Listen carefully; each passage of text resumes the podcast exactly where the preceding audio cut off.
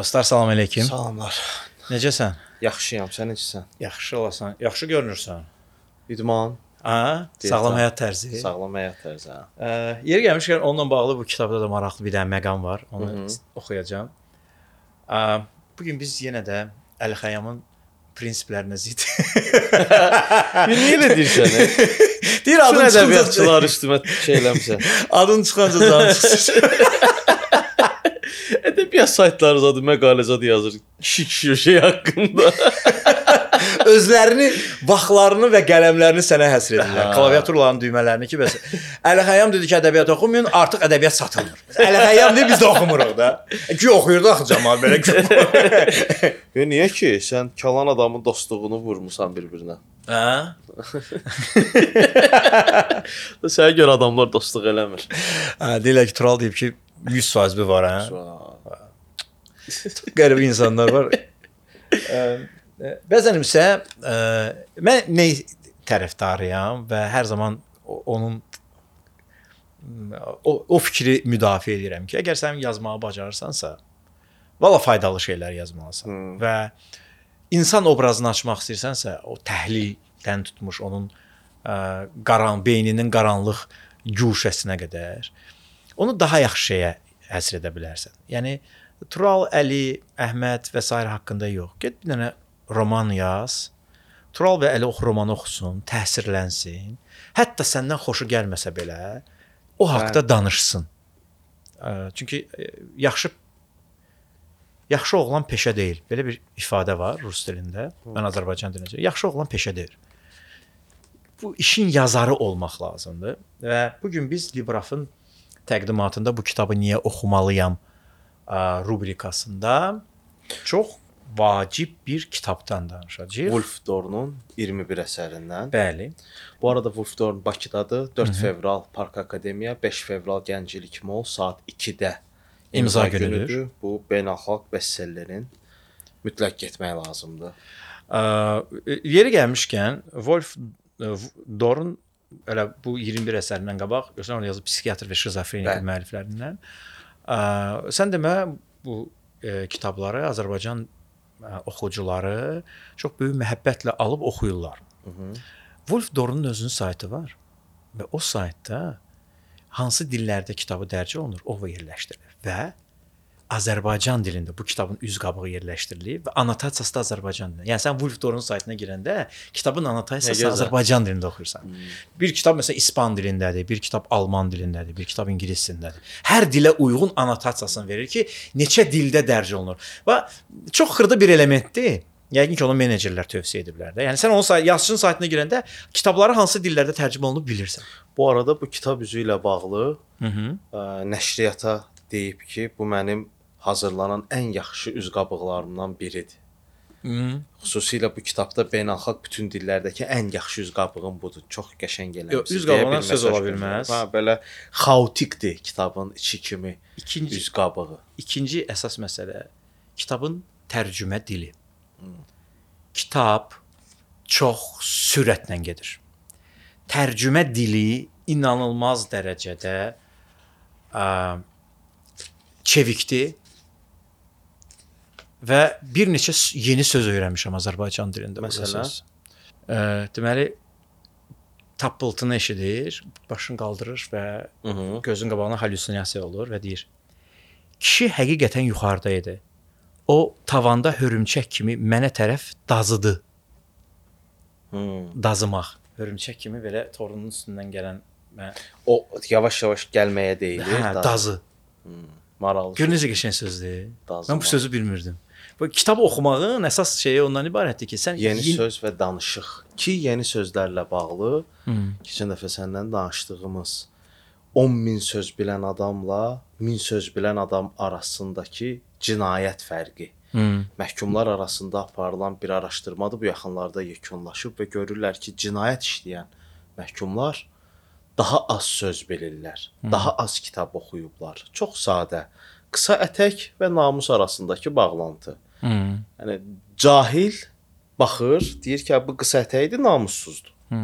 Amma araya çoxlu kitab oxuyub, çoxlu söz yığa bilən adamların qısa ətək və namus arasındakı söz girişi çox olur. Ora Hmm. azadlıq da olar, şəxsi inkişaf da olar, belə istəyir də olar, individualizm də qoyarsan, min də şey qoyarsan Bəli. və ə, yolu uzadırsan nəticədə. Hə, ona görə kitab oxumağın ən böyük üstünlüyü odur ki, sənin söz ehtiyatını artırır və danışanda artıq varvarizmdən istifadə eləmirsən, daha yaxşı sözlərdən, yaxşı sözlər tapırsan, üslub ə, olaraq yerinə oturan sözlər tapırsan və ə, kitabın ə, girişində 3 stat gətirilir və ən çox xoşladığım statlardan biri bu gün insanlar ə, efirə çıxan dinləyicilərimdən soruşurdum, izahını tapa bilmədilər. Hamı bu kəlməni istifadə edir, amma o kimdir heç kim bilmir. Yazıb insan fiziki varlıq olaraq doğulur və yaşayaraq şəxsiyyətə çevrilir. Və mən də sual verdim izləyicilərimizə ki, kimdir də şəxsiyyət? Məsələn, insanlar deyir ki, falan kəs şəxsiyyətdir. Məsələn, şəxsiyyətin olsun və s. Yəni bu şəxsiyyət dedikdə nəyi nəzərdə tuturuq? Və çox adam, çox adam yox, %100 izah edə bilmədilər. Nə deyirdilər ən çox? Yaxşı ailə başçısı, ləyaqətli adam. Yəni ümumi sözlərdə. Yəni şəxsi axı yaxşı ailə başçısı yaxşı şəxsiyyətdimi? Ümumiyyətlə yaxşı ailə başçısı anlayışı nədir? Ancaq evə çörək gətirəndir. Məsələn, bəzən olur ittiham eləyirlər də. Sənin həyin nəsidir? Sənə baxır, sənə dolandırır. Hə biraz xasiyyəti ağır da döz. Heç dəxli var. Bu ancaq qarnını doydurmaq. Yəni e, bir insanın yaxşı olmağı o ancaq qa- qarın doydurmağı və çörək gətirməsi ilə ölçülmür axı. Bizdə çox şey belə pulla, çörəklə, qarın doymaqla ölçülür axı. Mahiyyəti odur. Sənin hər şeyin var da. Bunu ancaq maddiyə, hər şeyin var deyəndə maddiyyatı nəzərdə tuturlar. Şükür Allah hər şeyin var. Niyə elirsən? Arkadaş, əsas şey yoxdur da deməli. hər şey ola bilər. Bu hər şeylər əsasdırmı mənim həyatımda? Bu diqqətimi cəlb etdi.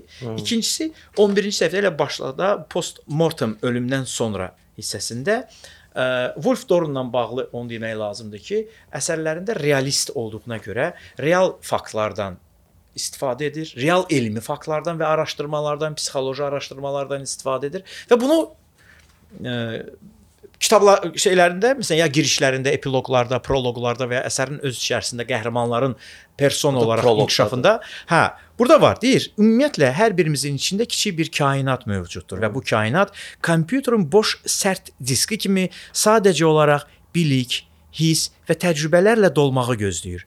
Həmişə də belə olacaq, çünki dərrakəmiz heç vaxt yorulmur. O hətta biz yatanda belə fəaliyyətdədir. Və keçir növbəti hissəyə. Orada da yeri gəlmişən qızın o beyni tomoqrafiya Bəli. hissəsində də o hissəyə toxunur. Adam onu oxuyandan sonra deyir ki, "Gəlin bir dənə tomoqraf etdim özümü." və orta hesabla hər bir insanın ağlına gündə 60 minə yaxın fikir gəlir. Bunlardan bəziləri bəlkə də əhəmiyyətsiz ola bilər, amma bir çoxu həyatımızı dəyişə, gələcəyimizi müəyyən edə bilər. Özü də həm bizim, həm də başqalarının. Kiçik bir hissədir. Bir səyə, bir vərəqdən ibarətdir. Onu oxuyub həyatını dəyişə bilərsən. e? Ki belə kitablarda da adətən qəhrəmanlar az yaşlı olur. Hı. ki sən biraz özünü onun yerinə qoya biləsən. Empatiya Beyin olaraq yaşayasan. gənclər də oxusunlar. Bir o empatiya, simulyasiya məsələsidir. Bir də çox maraqlı bir şey oxudum. Thriller oxumağın faydaları ilə bağlı escapism deyilən ə, bir şey var ki, bu 22 yaşına qədər gənclərə çox tövsiyə olunur. Reallıqdan gizlənin. Hı. Dünya o qədər artıq realdır. Hər şeyi real göstərirlər ki, bəzən gizlənmək lazımdır və thriller səni bəlli bir hədəfə, bəlli bir gizli bir şeyi axtarmağa, bir sirri ortaya çıxartmağa götürür, aparır. Və həm də gənc oxucu bunu oxuyanda o biraz sən deyirdin fan, fantastik əsər niyə yoxdur ki, artıq var. Var, var. var. O hekayəsini heç danışmamışıq biz. O, ona Bəli, ayrıca ona görə ayrıca ona ayrıca danışacağıq. Yəni. Qoy kitab çıxsın. kitab çıxsın ha. Və mm, mənə elə gəlir bu trillerlər biraz bu və bu triller bilsən bir də həm də nə şeydir. Bizim trillerlər oxuyursan bir Bakı kəndində cinayət, nəşə üstündə dava, oradan bir nəfər gəldi. Bunu isə oxuyursan, ölüb yoxdur.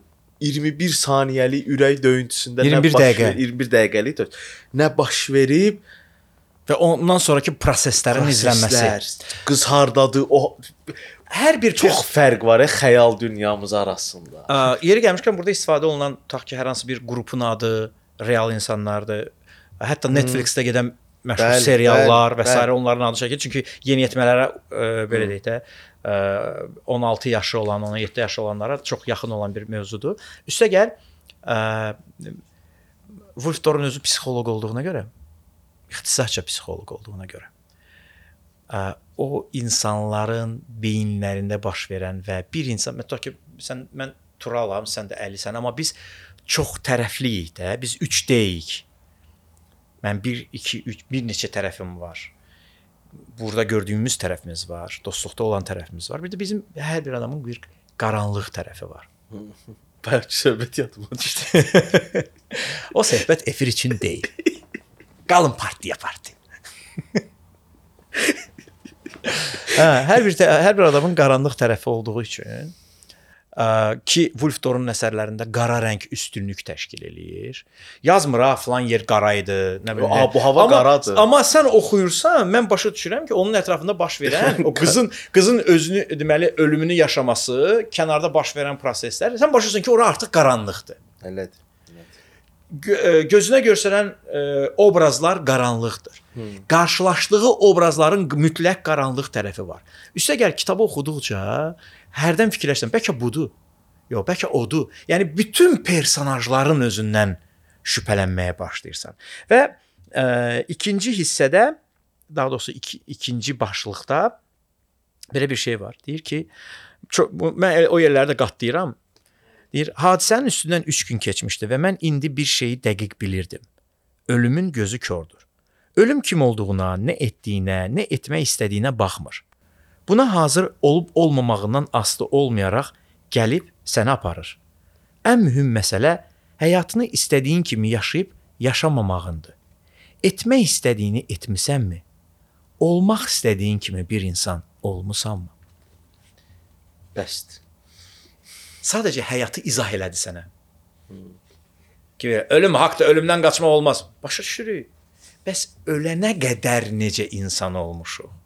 İstədiyimiz insan ola bilmişik. Yəni biz həyatımızı qınamaqla, ə, digər insanların həyatına Negativ burnumuzu soxmaqla, paylamaqla. negativ paylaşmaqla, deyinməklə bu ə, bu Facebook auditoriyası ilə Instagram auditoriyası fərqlidir. Bu gün şərhləri təmizləyirəm. Yanvarın 20-sindən qalmışdı. Təmizləyirəm deyəndə cavablandırıram da indi Facebook, Instagramda. Instagramdakı şərhlər indi biz yaşıl və göy quşlar qoyuruq. Hə. Şərhləri cavablandırdım Instagram. Pozitiv, neqativlər də necə neqativdir? Bəlkə filan kəs olardı. Hə. Ya da filan şey nədir? Ki səs belə idi, görüntünüz belə idi və s. Keçdim Hə. Facebooka. Bu nə suallardı soruşmusunuz? Hı. Biraz belə aşağı düşürsən. "R- Şərhlərimi niyə silmisiniz? Siz ki azad media quruluşu. Biz azad media quruluşu deyilük. İki dənə senzor var burada. Nə azad? yəni mən Aa, mən, mən şeyəm, bir- daha çox məsələyə e, senzuralı yanaşıram. Bu mənim səmimi etiraf edim ki, bu bu normal, bu mənim normamdır. Sənin norman deyil, özün bilərsən. Sən deyəndə ümumiyyətlə də şey, kimsə e, senzorsuz fikir istəyir. Mən senzorlu fikir istəyirəm. Bu mənim öz seçimimdir. Aha. nə qədər neqativlə yükləndim. Necə qəribə deyə, bu- o əslində eyni adamlar deyə. Eyni adamlar. Amma Instagramda başqa cür. Amma Instagrama keçirlər olurlar. Twitterdə tamamilə Yaxşı, başqa. deməli auditoriya və gördüyün və o UX, yəni sənin o keçirdiyin təcrübə sənə təsir eləyir. bir, bir dənə yerini deyəcəm sənə. O dediyinə idman eləyirəm. Deməli, e, on qəhrəmanı Nikanı e, EKG-yə salırlar və həkim onun beyninin çox fərqli işlədiyini göstərir, rənglərlə göstərir və deyir ki, e, sənin əslində 10 dəqiqəyə mü- ola bilər. 10 dəqiqədən sonra beyin ölür. Amma səndə 21 dəqiqə çəkib bu fenomenal bir şeydir. Çox güman ki, səndə deyir damarlarında oksigenin sayı digərlərinə baxanda çoxdur. İdmanla məşğul olursanmı? Deyir, deyir sənin qanında kifayət qədər oksigen ehtiyatı olub. İnsanlarda adətən 20-30% olur. Amma belə görünür ki, bu səndə bir qədər artıq olub. İdmanla məşğul olursan, üzürəm. Müntəzəm, mən başımı tərpətdim. Elə belə üzürsən yoxsa yarışlar üçün? Mən üzgüçülük üzrə gümüş medal qazanmışam və nə vaxtsa əyalət çempionatında da iştirak etmək istəyirəm. Aha, maraqlıdır. Bir üzgüsü kimi əlbəttə ki, məşq etməyən insanlardan fərqli olaraq oksigen ehtiyatını daha səmərəli istifadə etməyə öyrənmisən. Hətta huşunu itirdikdə belə bu işləyir. Belə bir şey necə deyirlər, vaxt gəlir, sənin ətin və qanının bir hissəsinə çevrilir. Biz deyirik, mən niyə idman edirəm? Lazım olan yerdə, lazım olan anda lazım olsun sənə. Ona görə. Niyə sağlam qidalanıram? O sənə indidən başqa, həm də gələcəkdə bir vaxtda Şey var, lazımdır. ömrü uzadacaq bir dəqiqə qənd yeməsən. Yox uzatmayacaq böyük ehtimalla, amma daha keyfiyyətli eləyəcək. Və lazım olan yerdə o qəndin əziyyətini çəkməyəcəm. Bəli. Yəni bu gün tutaq ki deyirəm də, sən ə, 100 kiloqramla oturub durursansa və ya 100 kiloqramla işləyirsənsə, sabahları elə bir an gəlib çata bilər ki, sənin uzun müddət kərpic daşımaq kimi bir işin ola bilər və ya nəyisə həqiqətən də itələmək lazım ola bilər. Bu ölüm və dirim məsələsidir. O zaman o fiziki güc sənə lazım ola bilər.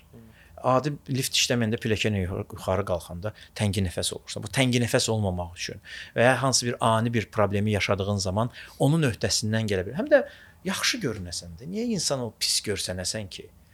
İnsan da UX-dir də. Yəni rahat qəşəng olmalısan da. Yəni sənə toxunanda belə səndən zövq almalılar. Özünə toxunanda zövq almalısan. Güzgün qabağına keçəndə bəzən bəhanə uydurmamalısan. Yəni, mən özümü belə qəbul edirəm. Bu bəhanədir. Özü bilsən necə qəbul edə bilirsən? Misal üçün anadan gəlmə əlin yoxdur. Yəni sən özü belə qəbul edirsən də. Burada nə deyir?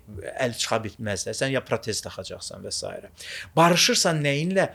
Ə, məsələn, əlilliyi ola bilər insanın, hər hansı bir ə, anadan gəlmə və ya sonradan qazanılma xəstəliyi ola bilər Amma indi insanın. məsələn ona da sən e, göbəyinlə barışmırsansa, buna da başqa bir şey qoyublar. Body shaming. Deyir insanlara kök demə. Mən demirəm. Bu da body, kimə. yo misal üçün də bu da body shamingdir. Amma sağlam deyilsənsə deməlisən də. axı ona həkim deməlidir ona. Mən razı deyiləm. Orada həkim deməlidir ki, sən də artıq əgər həkimə getsə. Amma mən heç kimə gəlib demirəm ki, sən köksən. Sənin qarnın yekədir. Ya nə bilim filandır. Bəlkə də əvvəllər eləmişəm. O səhvim olub o heç. Amma indi heç kimə heç nə demirəm. Yəni çünki onun köklüyünü, səbəbini mən bilmirəm axı. və sağlamlığa dəvət eləmirsən. O məndən soruşmasa yox. Hı. O məndən soruşmasa yox.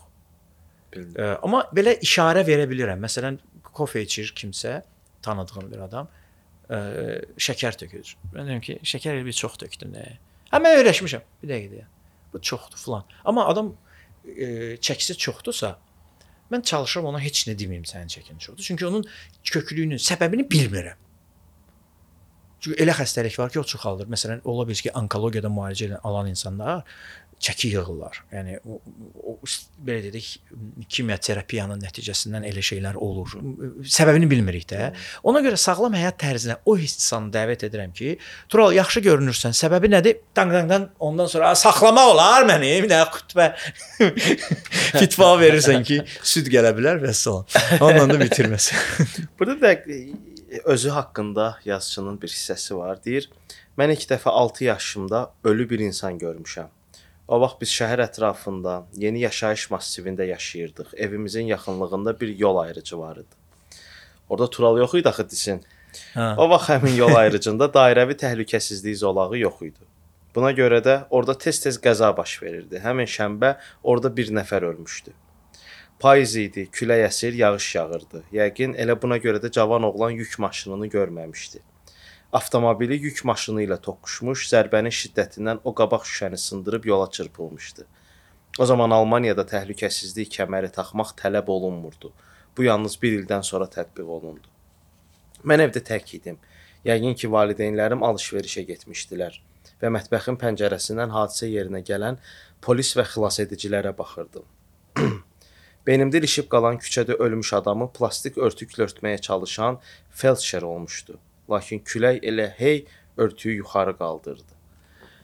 Uşaqlığında gördüyü bütün o səhnələri hissə-hissə kitaba səpələyib. Necə də gəzmək, təcrübə, gördüyün şeyləri xatırlamaq, yaddaşı gücləndirmək. Əvvəldə ona görə deyib də o kompüterin diski kimidir. Yığım, bilik Yığmaq. gözləyir. Sən baxır ora nə yığırsan. Atam mənə demişdi ki, ə, beynin elə bil ki, qabdır. Ora nə yığacağın səndən asılıdır. İstəyərsən mən mədəni forma deyirəm. Zibil yığarsan, istəyərsən bilik yığarsan. Seçim sənindir. Bu da elədir də, yəni sən həm də onu yığdığını da bölüşmək var da. Yəni psixoloji trillerlərin əsas nədir? İnsan psixoloji düşdüyü hallar, verdiyi qərarlar sən orada bir eyniləşdirmə aparırsan və deyirsən ki, "A, mən də bunu yaşamışam." Hı. eyniləşdirməklə ə, personajın verdiyi qərarları da öz həyatında tətbiq edə bilirsən. Ola bilsin şəraitlər fərqli olsun, Almaniya, tutaq ki, Azərbaycan və s. amma insanın psixoloji halı fərq etməz dünyanın hansı yerdəsən, eyni cür olur. Ə, və ə, Wolf Dornun 21 o dünyadan gələn var, Kölgə yoldaş kitabını qiyməti 9 manat 90 qəpikdir. Sizə tövsiyə edirik. Və Tərcüməçi Nilüfər Məmmədzadə, Nilüfər- Alman dilindən. Nilüfər yəni həqiqətən çox gözəl bir tərcümədir və yeni sözlər oradan tapdığımıza görə də ə, ayrıca təşəkkür edirik. Əlini sıxırıq. Ki- Ümumən kitab tərcüməsi haqqında biz ayrıca bir veriliş eləməliyik ki, bu necə Bəli. baş verir. Dublyajla bax, film dublyajı ilə bağlı ayrıca bir veriliş eləməliyik ki, bu necə baş verir. Çünki veriləcək suallar var. Dilin inkişafı və dilin ə, incəliklərindən istifadə. Çünki alman dilində olan sözün Azərbaycanda yaxşı qarşılığını tapmaq xüsusi istedad tələb eləyir. Mütləq həm də Park Akademiyada Gənclik Moldakı ə, deməli ə, İmza Libraf günündə ə, mütləq. kitab mərkəzinə mütləq baş çəkin. Günorta saat 2-də 4-5 fevral tarixində Wolf Dornun imza günündə olun. Sizə maraqlı olacaq. Həm də bu kitabı alın. Sonra məsələn mən kitabı başlamışam da, gedirəm bu kitab yaxşı gedir. Ə, bu kitabdan sonra növbəti o şizofrenik və psixiatr kitabına keçəcəm. Mütləq qaydada. Əlfəcini görmüsən? Əlfəcin superdə. Göyə baxın. Əla, Görüşərik. qismət olsa.